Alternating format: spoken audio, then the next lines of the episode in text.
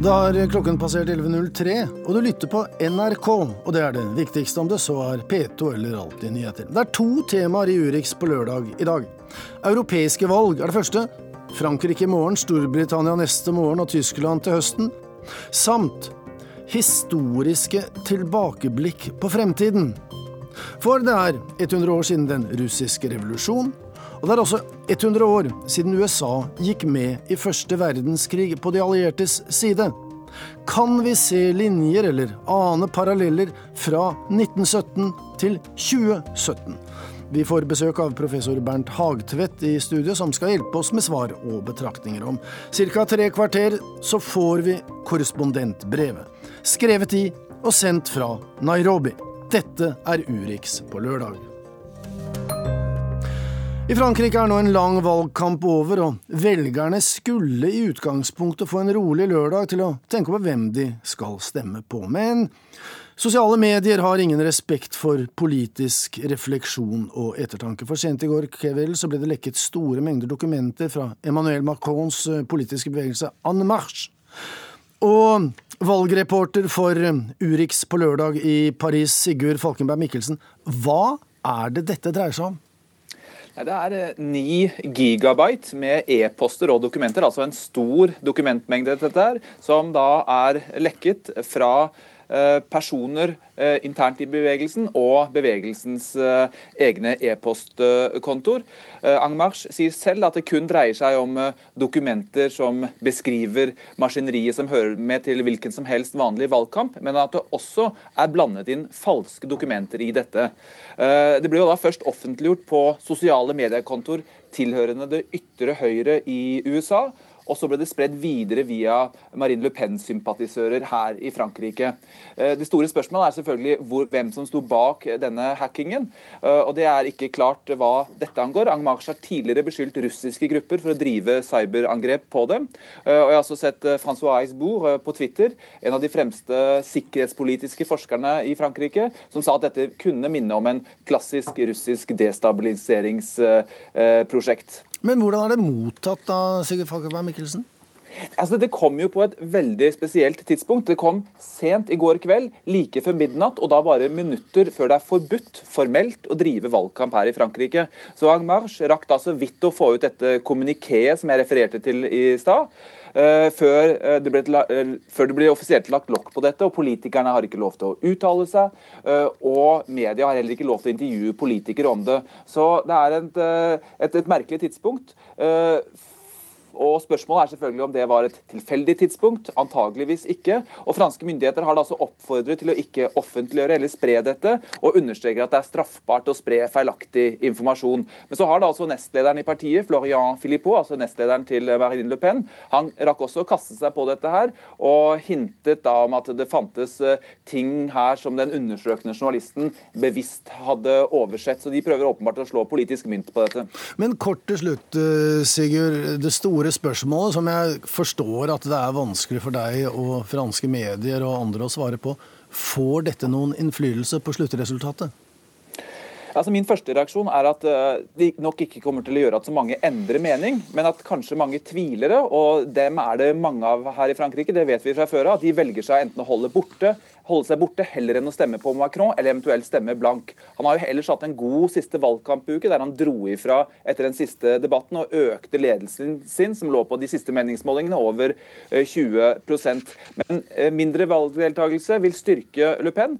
Eh, det endelige svaret får vi uansett i morgen. Ja, Da sier vi takk til deg der, og du har jo rett i det. Vi får høre mer fra deg, og i hvert fall i morgen, når det vel foreligger en slags analyse og et tidlig resultat i 20-tiden. Og da sender Dagsrevyen også en eh, lang søndagssending hvor dette er med. Men vi skal snakke litt om Eh, hvordan denne valgkampen har vært. Fremmedfrykt og innvandring har selvfølgelig med Marine Le Pen som en av kandidatene dominert medienes dekning av den franske valgkampen, men for de franske velgerne så har arbeidsledighet også vært en stor og viktig sak. Og reporter Marit Kolberg hun har vært i hjembyen til sentrumskandidaten Emmanuel Macron, der industriarbeiderne og for den saks skyld andre kjemper for sin egen og for Frankrikes fremtid. Beaucoup de nouvelles idées Florian deler ut løpesedler like ved rådhuset i Amiens. Noen haster forbi, mens andre tar imot. Florian driver kampanje for Emmanuel Macron og mener han har nye ideer til hvordan problemer kan løses. Før stemte jeg sosialistisk, sier han, men mener det nå trengs et sterkt sentrum for å bygge opp mot populisme. Vi møter også Philippe, som sier han kommer til å stemme på den mannlige presidentkandidaten i søndagens valg. Oui, oui. Verken han eller Florian er spesielt lokalpatriotiske, med tanke på at landets neste president kanskje kommer fra deres hjemby. Selv om Florian innrømmer at han er litt stolt, og tror at Emmanuel Macron kan ha satt Amiens med sine rundt 120 000 innbyggere litt tydeligere på kartet. Så går han videre for å kjempe for at flere skal stemme på den uavhengige kandidaten. Utenfor sentrum foregår en helt annen kamp. Når vi nærmer oss Whirlpool-fabrikken i Amiens, kjenner vi lukten av brente bildekk. Den har fylt gatene her de siste to ukene. 282 arbeidere har nemlig fått en tung beskjed. For tre måneder siden fikk vi sparken, sier Sabine. Vi fikk vite at hele produksjonen skal flyttes til Polen. Sabine har jobbet ved samlebåndet her i over 20 år, men nå er det altså slutt. Kollegaen Kristel, som sitter ved siden av henne, skjelver i stemmen når hun snakker om fremtiden. Euh, euh, Både Kristel og Sabine har eneansvar for barn. Sabine syns fremtiden er mørk. Den er sort som bildekkene der borte. Sort som røyken, sier hun. Det er flere bedrifter i regionen som strever, og de to tror heller ikke det blir enkelt for to voksne damer å skaffe seg en ny jobb nå. Katrin Letrin sitter i fagforeningen. Også hun er frustrert og oppgitt. Uh, Whirlpool, uh, Whirlpool behandler oss som noen null. Vi er bare tall for dem, sier hun. Hun er sint.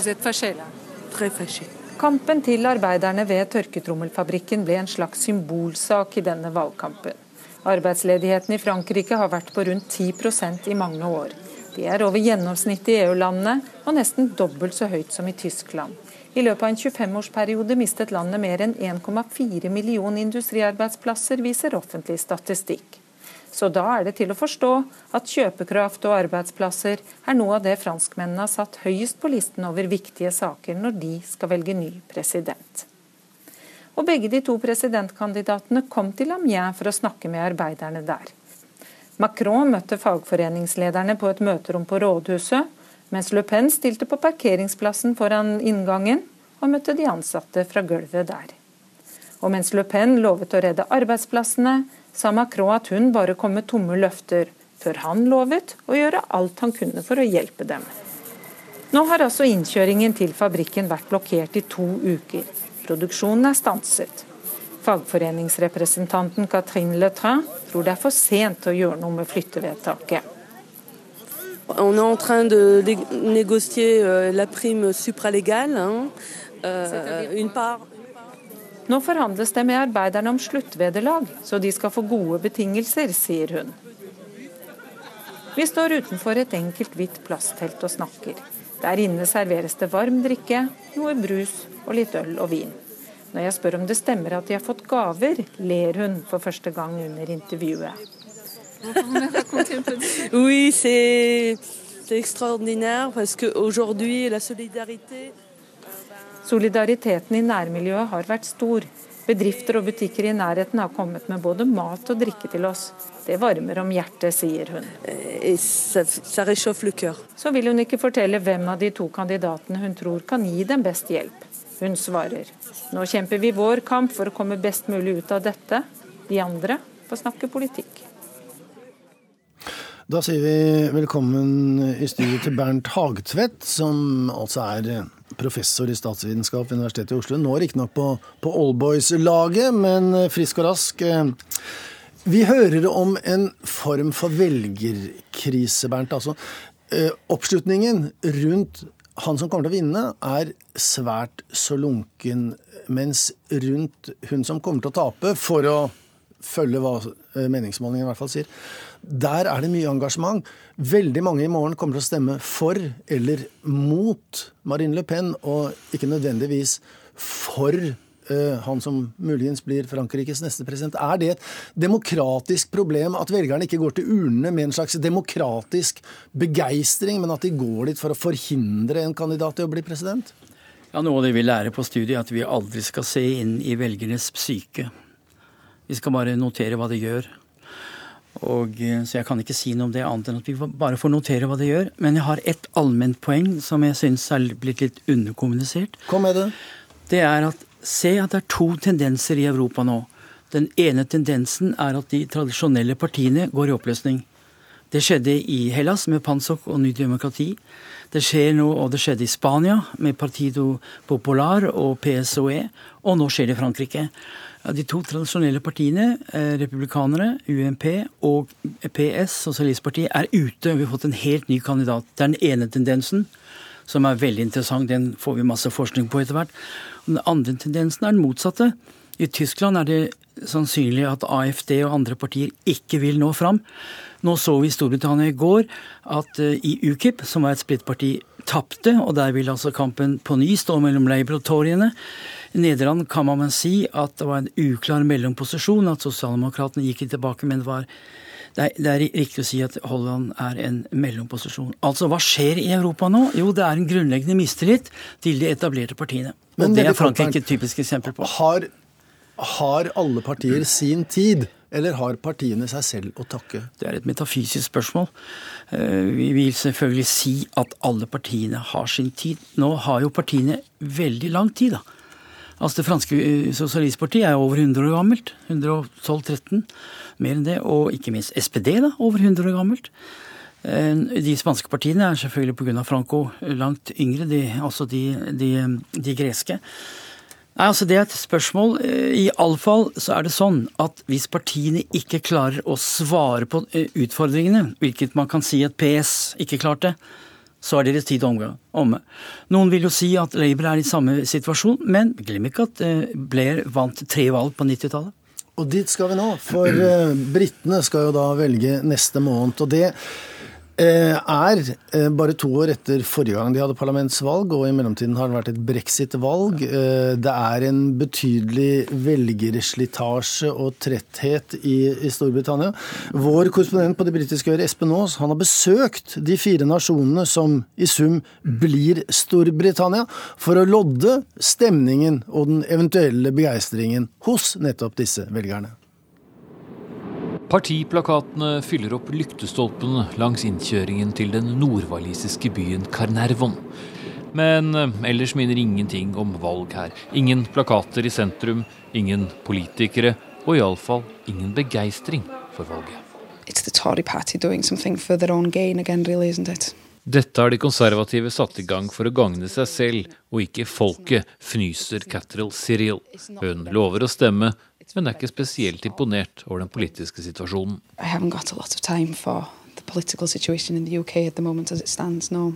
Hun stemmer på det venstreorienterte nasjonalistpartiet Plaid Kumri, for hun er stolt av å være walisisk, og er mindre opptatt av å være britisk. Partiet gjør det godt i dette området, men sammenlignet med nasjonalistpartiene i Skottland og Nord-Irland står de svakt. De har kun tre av 40 walisiske parlamentsmedlemmer i Westminster. I eh, to uker har vi reist til småsteder i alle de fire nasjonene som utgjør Storbritannia, for å lodde stemningen foran valget den 8. juni. Parlamentsvalg to år siden sist, tre år før det skulle ha vært. Men statsminister Theresa May utløste likevel nyvalg nå, for å sikre seg et enda sterkere flertall i parlamentet, som de fleste sier. Everybody enjoyed themselves. Et sted hvor hun står sterkt, er sørvest i England, nærmere bestemt Cornwall. Her stemte de mot EU. Her ligger de konservative godt an, både nasjonalt og lokalt. I det varme solskinnet på stranden står John Johnson og forsøker å selge båtturer til de få turistene som er her nå. Storinnrykket er mange måneder unna. Han er strålende fornøyd med at det blir nyvalg. My personal view is yes, I think it's a good idea. As long as she wins, I think it'll make life a lot easier. Det vil gjøre livet lettere, og vi får til en mye bedre sluttavtale når vi forlater EU, konstaterer Johnson. EU og brexit, ja. Selv om denne valgkampen handler om såkalt vanlige saker som skatt, skole og helsevesen, vet alle at det venter knallharde forhandlinger mellom Storbritannia og de 27 gjenværende EU-landene de neste årene. Og det danner et slags bakteppe for det hele. Her i dette fattige hjørnet av England, der de årevis har nytt godt av økonomisk støtte fra EU, heier de på Theresa May. Ikke minst Christine Chard, som driver stedets eldste karamellutsalg. Jeg syns Theresa May er strålende, og det er også bra for oss kvinner, selv om jeg vel ikke skal si det. Hun kommer til å sørge godt for oss, og syns det er helt flott at hun har utløst nyvalg, sier Chard. Like stor begeistring for Theresa May finner vi ikke lengst nord, i Skottland, nærmere bestemt det skotske høylandet. Det skotske nasjonalistpartiet er suverent størst her. Ved forrige parlamentsvalg for to år siden gjorde de nærmest rent bord. Labour, de konservative og liberaldemokratene fikk ett sete hver i Westminster.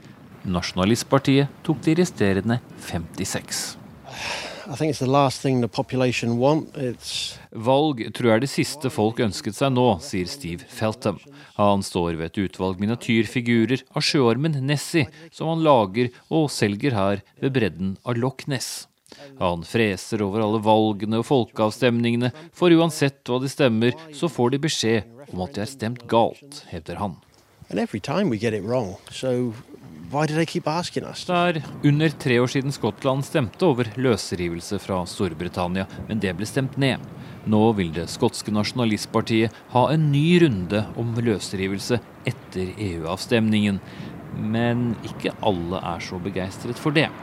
Ruth Atkinson, som vi treffer i kystbyen Nairn langt nord i høylandet, er en av dem. I don't think so, no. Å nei, det er altfor mange ubesvarte spørsmål om hvordan det skulle gå. Jeg tror ikke det vil være lurt i hele tatt, sier Atkinson. Siste stopp på denne rundreisen i Storbritannia er Nord-Irland, hvor de hadde valg til eget regionalt parlament for bare noen måneder siden. Hvor det nå er politisk krise fordi irske nasjonalister og britiske unionister nekter å samarbeide. Um, De fleste vi møter, trekker på skuldrene og ser på det britiske valget som et engelsk valg, selv om Nord-Irland har 18 seter i Westminster. Uh, Forretningsmannen David Burke, som vi treffer i grensebyen Belco, tror dette kommer til å trekke vekk fokuset fra den fastlåste situasjonen i Nord-Irland.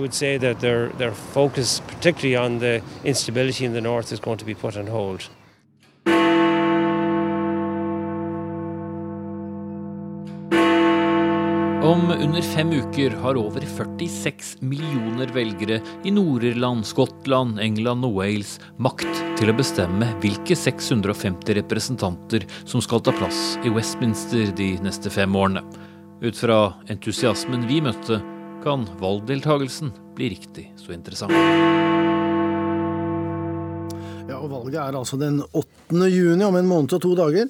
Eh, vi skal litt senere dekke her i NRK et norsk valg, før vi da altså den 24. september eh, skal rette våre øyne mot Tyskland. Eh, et valg der som kommer til å bli preget av innvandring og fremmedfrykt, det også. Men før debatten i det hele tatt er i gang i Tyskland, så er det ikke frykt og vold mot fremmede som er i fokus, men faktisk i form av angrep på sivile tyske jøder. For ifølge en rapport som nylig ble lagt frem for forbundsdagen, så er antisemittisme et økende problem i Tyskland, med 644 anmeldte tilfeller i fjor. Og vår korrespondent i Berlin, Guri Nordstrøm, hun har møtt en av dem som selv har merket dette økende hatet på kroppen israelbezogenen Antisemitismus, aber auch ganz direkten Antisemitismus, Hass auf Juden weiter zu verbreiten und zu rechtfertigen. Das sind Dinge, die ich auch selber erlebt habe. Antisemittisme og hat mot jøder er noe jeg selv har opplevd. Jeg ble for noen år siden slått ned av en arabisk ungdomsgjeng i Berlin fordi de så at jeg var jøde. Jeg havnet på sykehuset, og der var det noen som sa at ja, nå kan han smake sin egen medisin og oppleve hvordan hans folk oppfører seg mot det stakkars folket i Gaza. Jetzt kann er mal erleben, was da seine Leute in Gaza immer mit den armen Arabern machen. Also das waren auch teilweise Reaktionen, die es gegeben hat.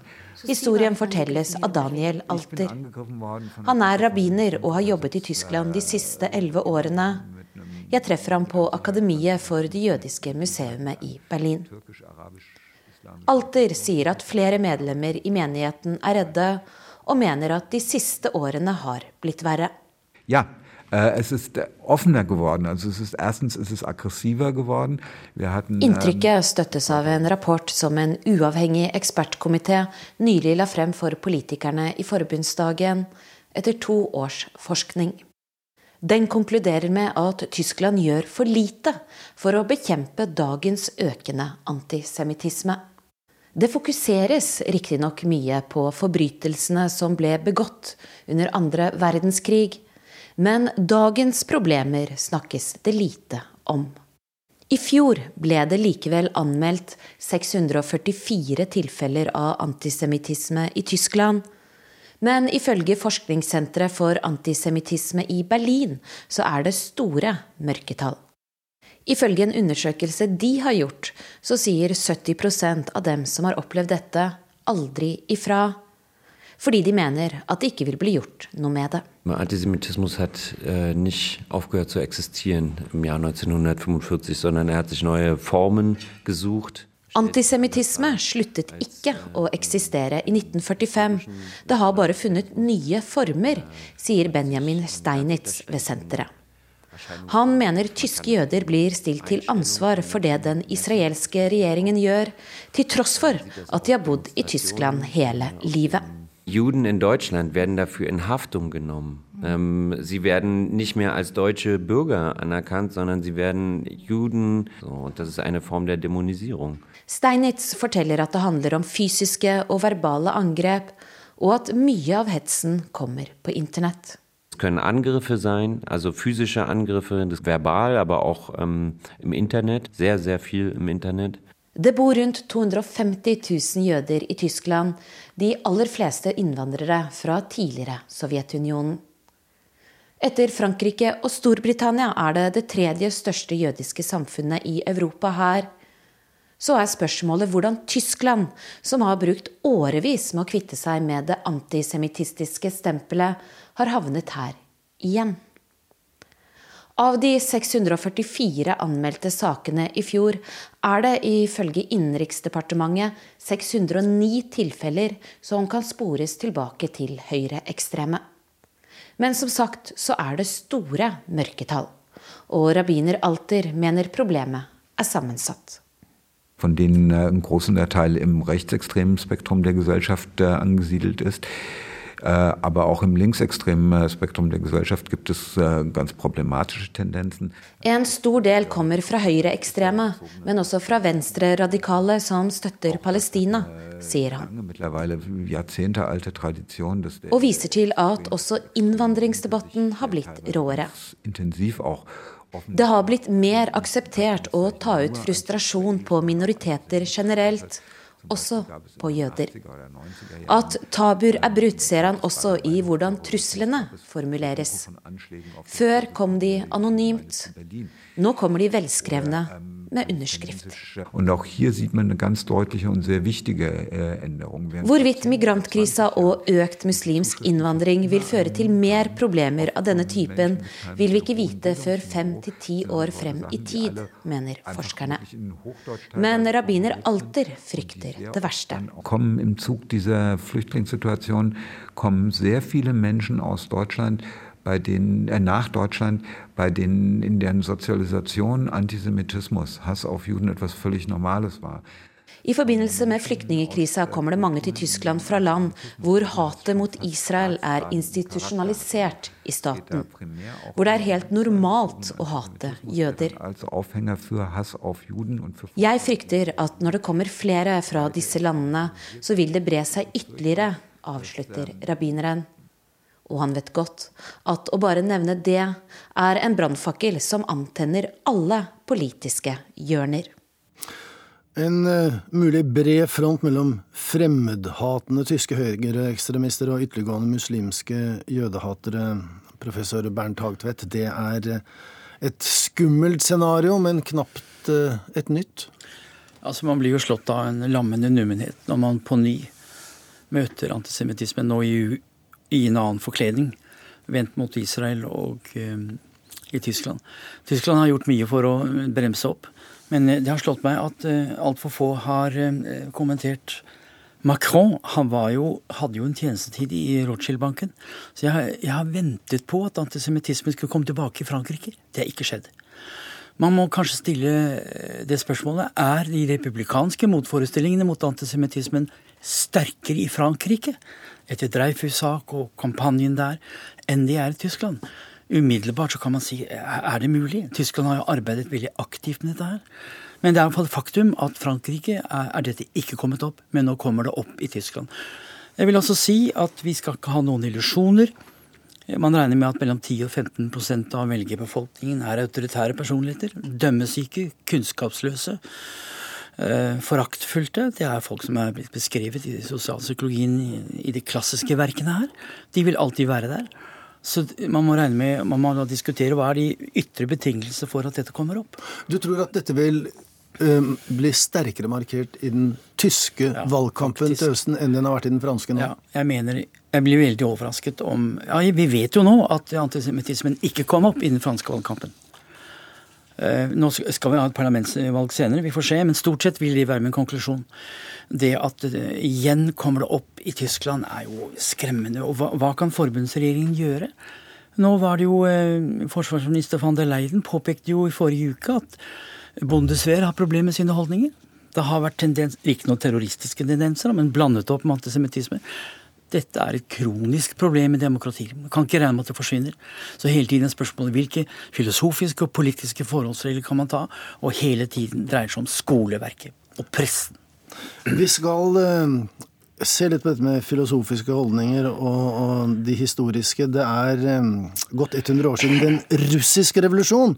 Altså siden tsaren ble avsatt i februar og bolsjevikene tok makten i oktober. Og i Russland så diskuteres det i disse dager altså konsekvensene av de store omveltningene på utviklingen i landene og den gang, og Russlands stilling i dag.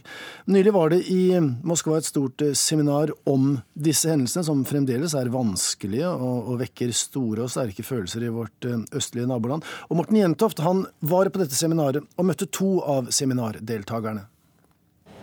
Men altså, i tillegg til at det er god business med Lenin, så er det vel også da et politisk poeng å ikke støte fra seg eller provosere ja, just det. Just det. Lenins mausoleum, en liten del av redaktoriet Det går to godt voksne menn oppover Starosatskij perolok i kineserbyen Kitai Gorod i Moskva.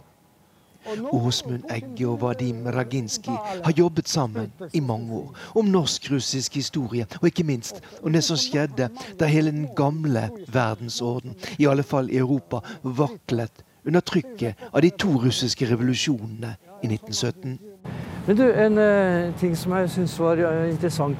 Putins oppfatning av historien. Han er eh, nå er de kommet sammen igjen i forbindelse med et stort seminar for russiske og utenlandske historikere. Ikke for å diskutere resultatet av revolusjonene, men for å vurdere kildematerialet og den forskning som finnes fra denne dramatiske tiden. For dette handler ikke bare om historie, men like mye om hva som skal skje videre i det veldige Russland, som i snart 20 år nå har vært styrt av én mann, Vladimir Putin. Derfor han vil ikke splitte folket. Putin skal bli nøytral.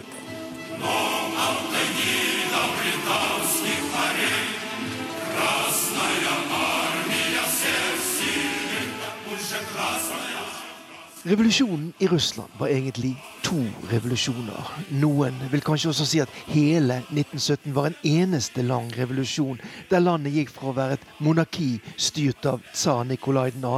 til å bli overtatt av sosialistene i bolsjevikpartiet, ledet av den karismatiske Vladimir Uljanov, bedre kjent som Lenin.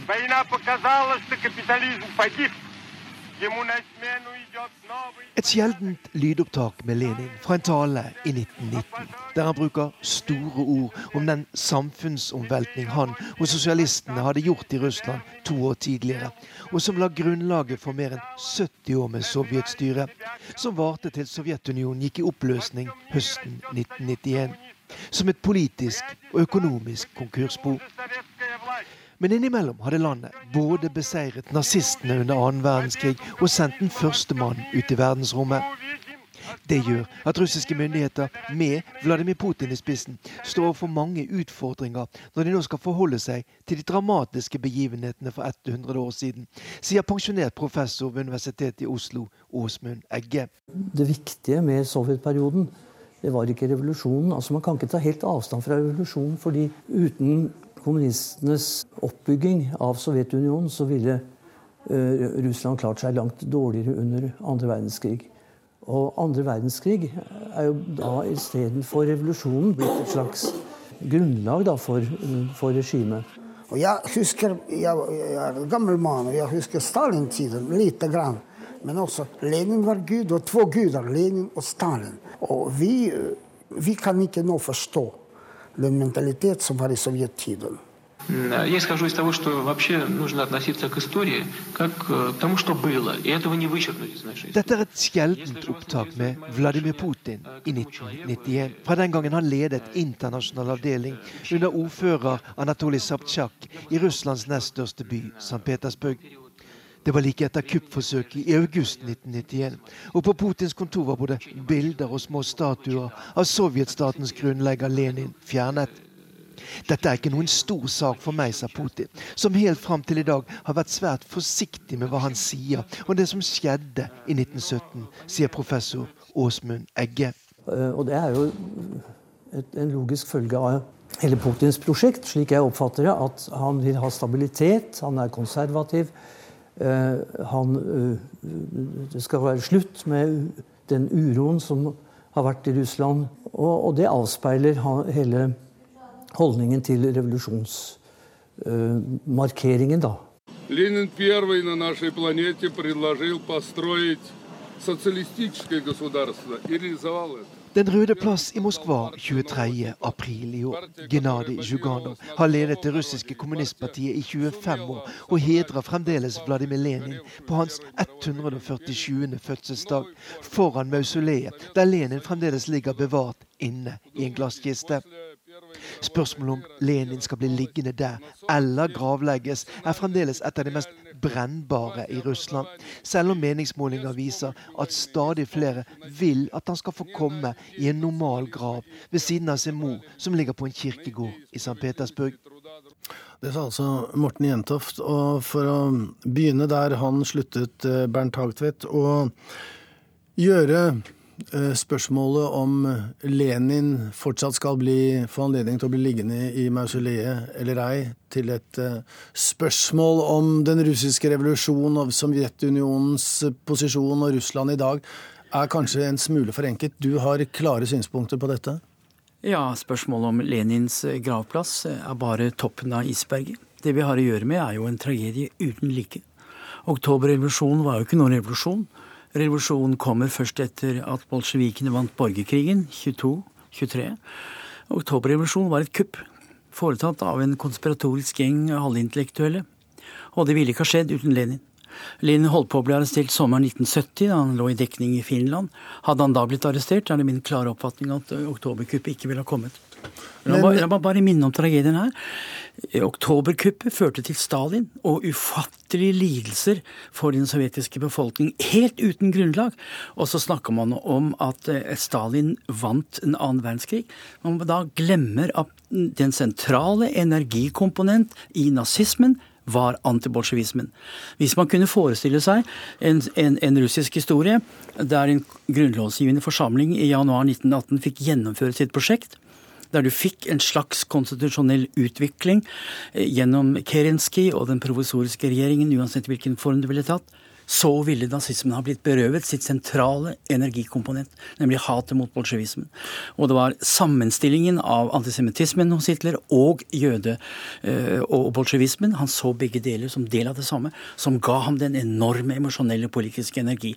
Du ville fått flere forsøk på å endre grensene i kjølvannet Versailles. Ja, du ville fått masse forsøk, men det ville vært autoritære, militære forsøk, ikke den vanvittige eh, metafysiske forakten for bolsjevismen som det fant hos Hitler.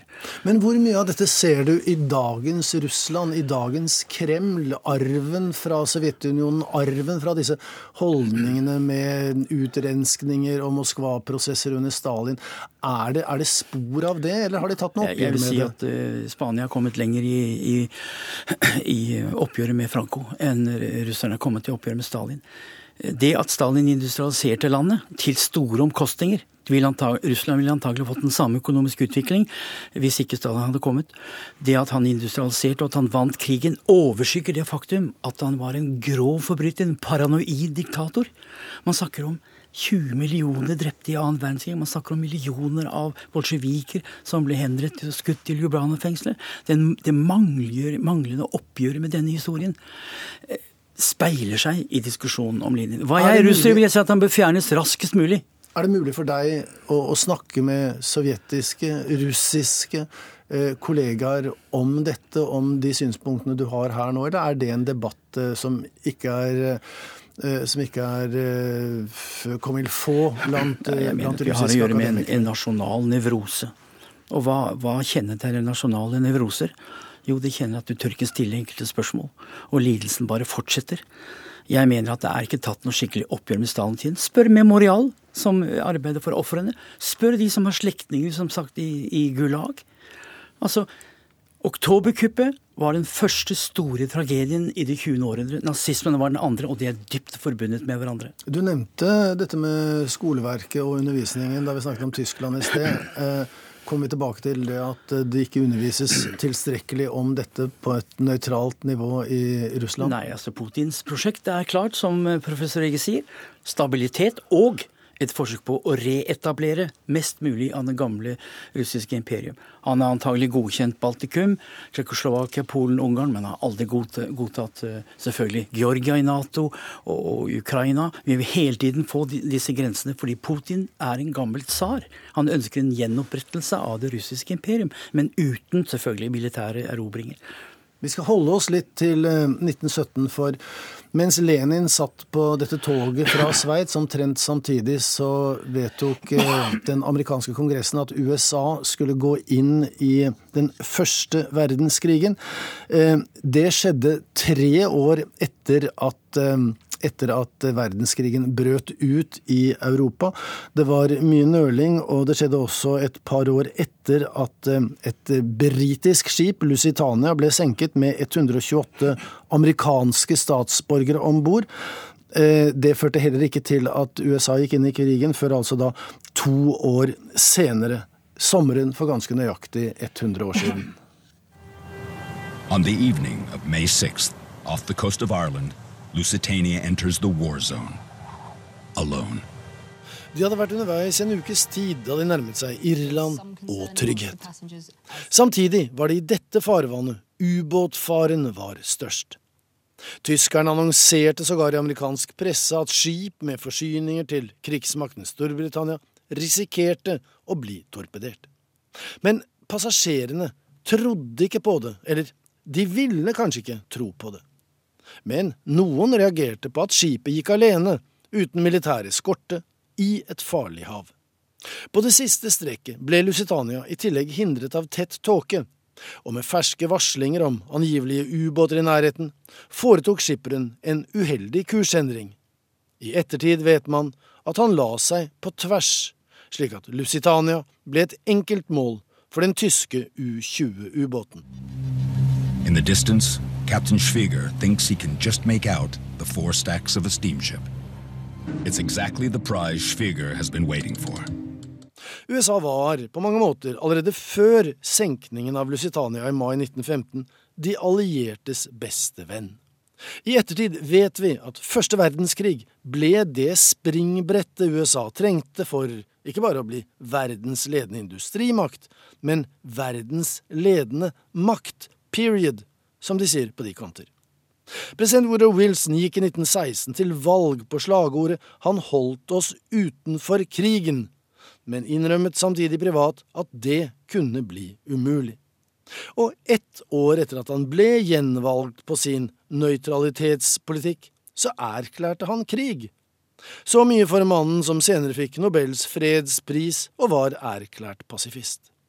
Men det var minst to gode grunner til dette. Den første var at tyskerne hadde gjenopptatt den uinnskrenkede ubåtkrigen, noe de nærmest visste ville føre til at USA da måtte erklære dem krig.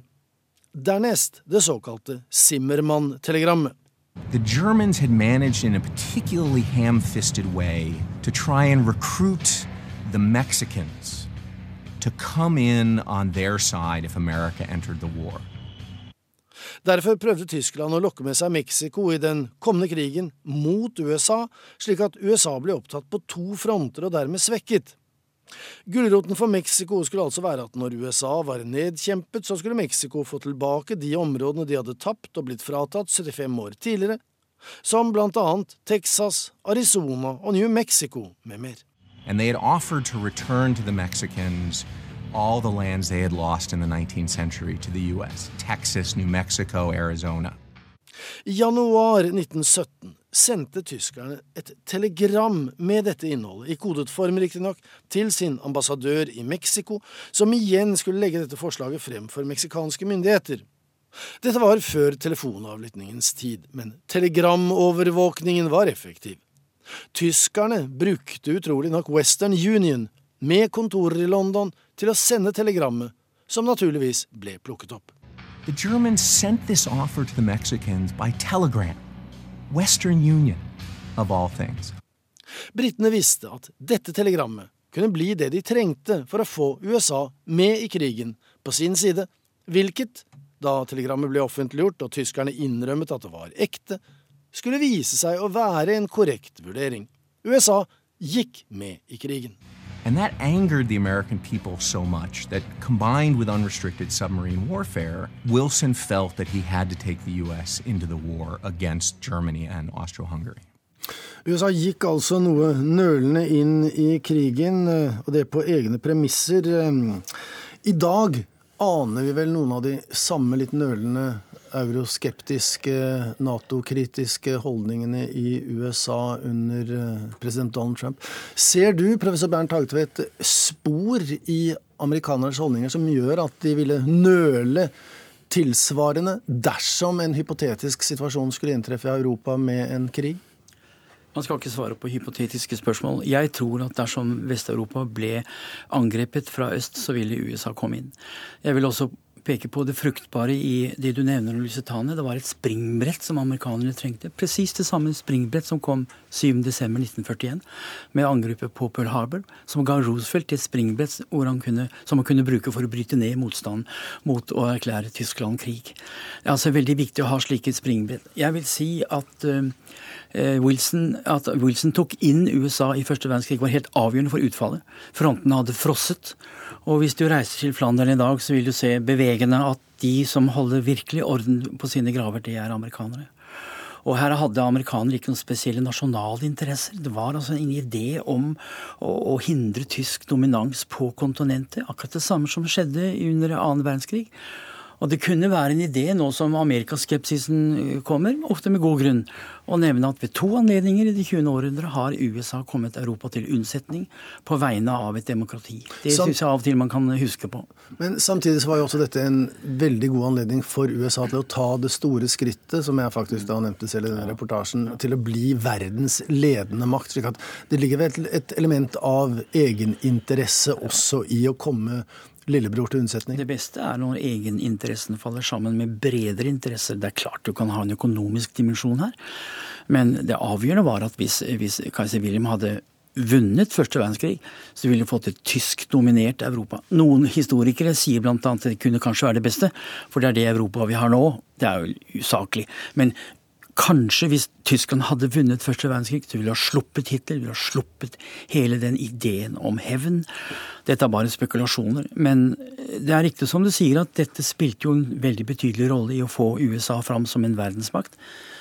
Men hadde de ikke gjort det, hadde de f.eks. ikke gjort det i 41, så ville vi kanskje fått eh, en eh, helt annen situasjon i Buckingham Palace. Veldig kort eh, til slutt, Bernt Hageset. Mener du da altså at vår tids USA-skepsis er basert på kunnskapsløshet? Nei, Jeg sier ikke kunnskapsløshet. Min generasjon var jo preget av Vietnamkrigen. Det var dypt illegitimt, en dypt illegitim krig. Annen verdenskrig var ikke en illegitim krig. Første verdenskrig var ikke en illegitim krig. Vi får hele tiden vurdere fra sak til sak. Jeg tror at hvis noe tilsvarende kommer opp, hvis f.eks.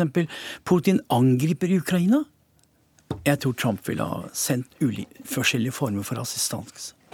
Det må vi få svar på ved neste korsvei. Vi takker professor Bernt Hagetvedt for å ha deltatt i studio i dag.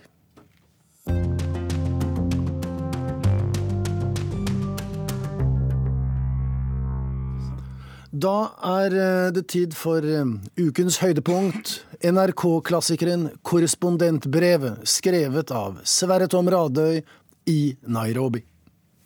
Vi sitter og svetter inne i 20 kilos utstyr. Det skal verne oss mot kuler og granatsplinter, men borrelåsen strammer hardt over adamseplet. Toppfarten er 20 km i timen. Når den nærmer seg gangfart, så tar vi hjelmene på. Da siler svetten fra hode, nakke og hals ned inn under den tette, skuddsikre vesten til mage, rygg og skritt. Svetten fra leggene følger tyngdeloven skal så mye gass ut av den vesle kvinnen ved siden av meg at hele inneklimaet i vår Toyota Land Cruiser er forgiftet i seks strake timer? Eller er det fotografen i forsetet, eller sjåføren, et dødt dyr som råtner under setet? Jeg har forståelse for at hvem av dem det nå er, at vedkommende ikke ber sjåføren stoppe hver gang det trykker på. Da måtte hele konvoien med pansrede kjøretøyer foran og bak også stanse. Dessuten er det en grunn til at maskinpistolene til de 34 soldatene peker konstant inn i bushen rundt konvoien. De passer på oss, en håndfull journalister. Det er ikke trygt å forlate bilen. Dette korrespondentbrevet er ikke om årsakene til at det er farlig å la vinner fare utenfor biler i deler av Den sentralafrikanske republikk. Artikler og innslag fra dette ressurssterke, vanvittig vanstyrte landet, godt utstyrt med gullårer og bloddiamanter, kommer andre steder. Dette brevet handler om hvordan det er å sitte i en bil på vei til jobb som Afrikakorrespondent i mer eller mindre rufsete strøk, som for eksempel i Den sentralafrikanske republikk. Bilparken i landet som dekker Afrikas geografiske sentrum er gammel, og på sikkerhetskurset for journalister lærer vi stadig om hvor viktig det er å ikke sette seg i en bil uten å ha sjekket den godt. Har dekkene spor, blinker lysene på kommando, virker brekk og bremser. Svaret var nei på alt på den bilen som tok meg med rundt i hovedstaden Bangui for et par dager siden. Da jeg lukket døra på den lyseblå Corollaen, så satt jeg med håndtaket igjen i hånda. Ikke noe problem, sa sjåføren og ba meg sitte med beina godt fra hverandre, for rusthullet ned på veien var på størrelse med en tennisracket. Pas de problem, været er fint og bremsene er gode, sa sjåføren. Prosentvis er det flere som dør i trafikken i Afrika enn på andre kontinenter. De fleste krigsreportere og korrespondenter som blir drept, blir verken skutt eller hogget ned med macheter, men dør i trafikken. Den vakreste bilturen jeg har hatt så langt, er veien fra Narobi til Masai Mara, nasjonalparken der titusener av dumme gnuer hopper rett i gapet på sultne krokodiller, mens de smartere sebraene venter til reptilene er passe matleie før de krysser Mara-elven du har sett det på TV, en turistattraksjon i verdenstoppen. På vei dit blir besøkende overrasket over den høye standarden på motorveien Southern Bypass. Her er det glattslikket asfaltvei og ekstra filer for trege kjøretøyer opp mot det fruktbare jordbruklandskapet nærmere Galdhøpiggens høyde over havet. Gulrøtter og hodekål er lokkende dandert langs veien, og så brått til venstre, et bredt stup ned mot Great Rift Valley. Oi, onkel, her er himmelen høy her, sa tolvåringen da landskapet plutselig åpnet seg så vidt og voldsomt at en Ulf Lundell ville kose seg glugg i hjel. Verdens mest berømte forkastningssystem noen hundre høydemeter nedenfor strekker seg fra Mosambik i det sørlige Afrika til Bekadalen i Midtøsten. Vel nede i forkastningen er strekningene med bølgende endeløst landskap så varierte og storslåtte at du bør kjenne de vakreste, retteste og råeste partiene av selve Sognefjellsveien fra Lom til Gaupne og gange med fem eller kanskje ti for å ane dimensjonene. Og herligheten fortsetter helt til Narok, masaienes hovedstad. Derfra tar du andre til venstre, så er du i Masamara. Men hør ikke på turarrangørene som vil fly deg inn. Lei bil med sjåfør for noen hundringser.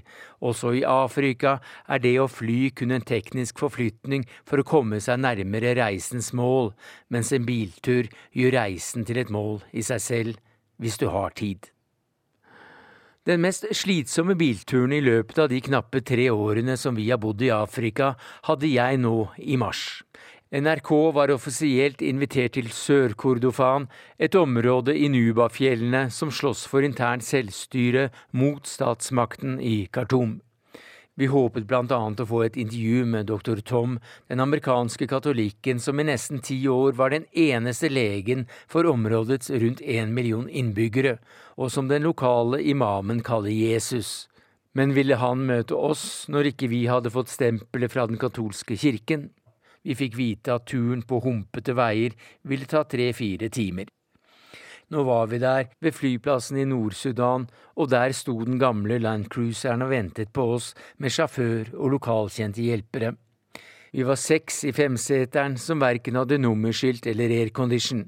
Nummerskiltene spilte ingen rolle, ingen biler i området har det. Vi kjørte nordover mens skyggene forsvant i middagssola, og veien var dårlig ofte like uframkommelig som det siste stykket inn til norske hytter før hyttegrendenes tid, den gang gærne fedre ofret eksospotter for å slippe å bære snurrings, joikakaker og langpils inn de siste hundremeterne. Grensevaktene fjernet et tau over veien. Da var vi allerede tørste som bybud. Selv om vi var invitert, så regnet vi ikke med særlig stor oppvartning. Sør-Kordofan er lutfattig og står midt i en konflikt som verden har glemt. Men vi hadde nok regnet med å få mer enn ett lite måltid om dagen, kanskje litt såpe, et håndkle og et laken, men verst var det med vannet. Her fantes det ikke flaskevann, og brønnvannet langs veien er av varierende kvalitet. Innover i Nubafjellene sto luften stille i 40 grader pluss, å åpne vinduet var som å åpne døra til stekeovnen med varmluften på maks. Slik ristet vi sammen i åtte timer og svettet under hett blikktak, uten vått eller tørt, før en gjestfri offiser bød på mat, madrass og limonade. Dette kommer jeg til å angre på, sa den mest reisevante av oss og slukte to glass sitronvann med amøber på styrten. Han hadde vært her før og kjente igjen symptomene etter kort tid. Resultatet kom i løpet av natten, så allerede godt uttørret satte han seg i baksetet, klar for en ny åttetimers tur med oss andre, med for lite vann og for høy temperatur. Vi var fremdeles spent på om legen ville ta oss imot uten klarering fra den katolske kirke. New York Times-journalisten skrev at doktoren var det nærmeste han hadde kommet en helgen men doktor Tom så som et dehydrert reisefølge mer enn en gjeng journalister. Han med amøbene ble straks beordret på sotteseng med to liter drypp rett i armen, så fulgte to liter væske med pulver og drikke. Og slik fikk vi et intervju med legenden i Nubafjellene. Tilbake i Den sentralafrikanske republikk ble lukten bare verre. Da vi var framme ved klosteret, var jeg først ute av bilen for å få frisk luft. Vi ble innlosjert i en liten celle hver hos nonnene nær grensen til Tsjad. En grønn gekko snuste på krusifikset over speilet. Her var det myggnett, et laken å ligge på, ett for å ha over seg, her var såpe og håndkle, rennende vann, en egen dusj. Hva kan ikke fromme nonner skape av verdslig trivsel? Og det var rent, skinnende rent, og det luktet godt. Eller ikke? Nei, absolutt ikke. Også her inne stinket det som i bilen. Jeg gikk etter lukten, og der ved døra sto de to skyldige, de to snørefrie skinnskoene jeg er så glad i, kjøpt i Hongkong for ti år siden, brukt nesten daglig i all slags vær siden sommeren 2007. Jeg hadde gått tom for sokker dagen før, og i dag hadde jeg svettet surt og barbeint i mine trofaste, uslitelige danske venner av merket Ekko i time etter time, mens jeg i mitt stille sinn anklaget andre i bilen, og følte meg litt storsinnet som ikke med en mine lot meg vise at jeg led i lukten så var det altså de andre som hadde vært dannet nok til ikke å henge ut den som stinket, nemlig meg. Så ukas korrespondenttips fra Afrika for dem som har lyst til å reise landeveien. Ta med sandaler. Ta med litersvis med flaskevann og en god dose ydmykhet. Og den oppfordringen kom fra Sverre Tom Radøy, og dermed er det slutt på denne utgaven av Urix på lørdag. Teknisk ansvarlig var Finn Lie, produsent var Ingvild Ryssdal, og her i studio satt jeg, Joar Hoel Larsen.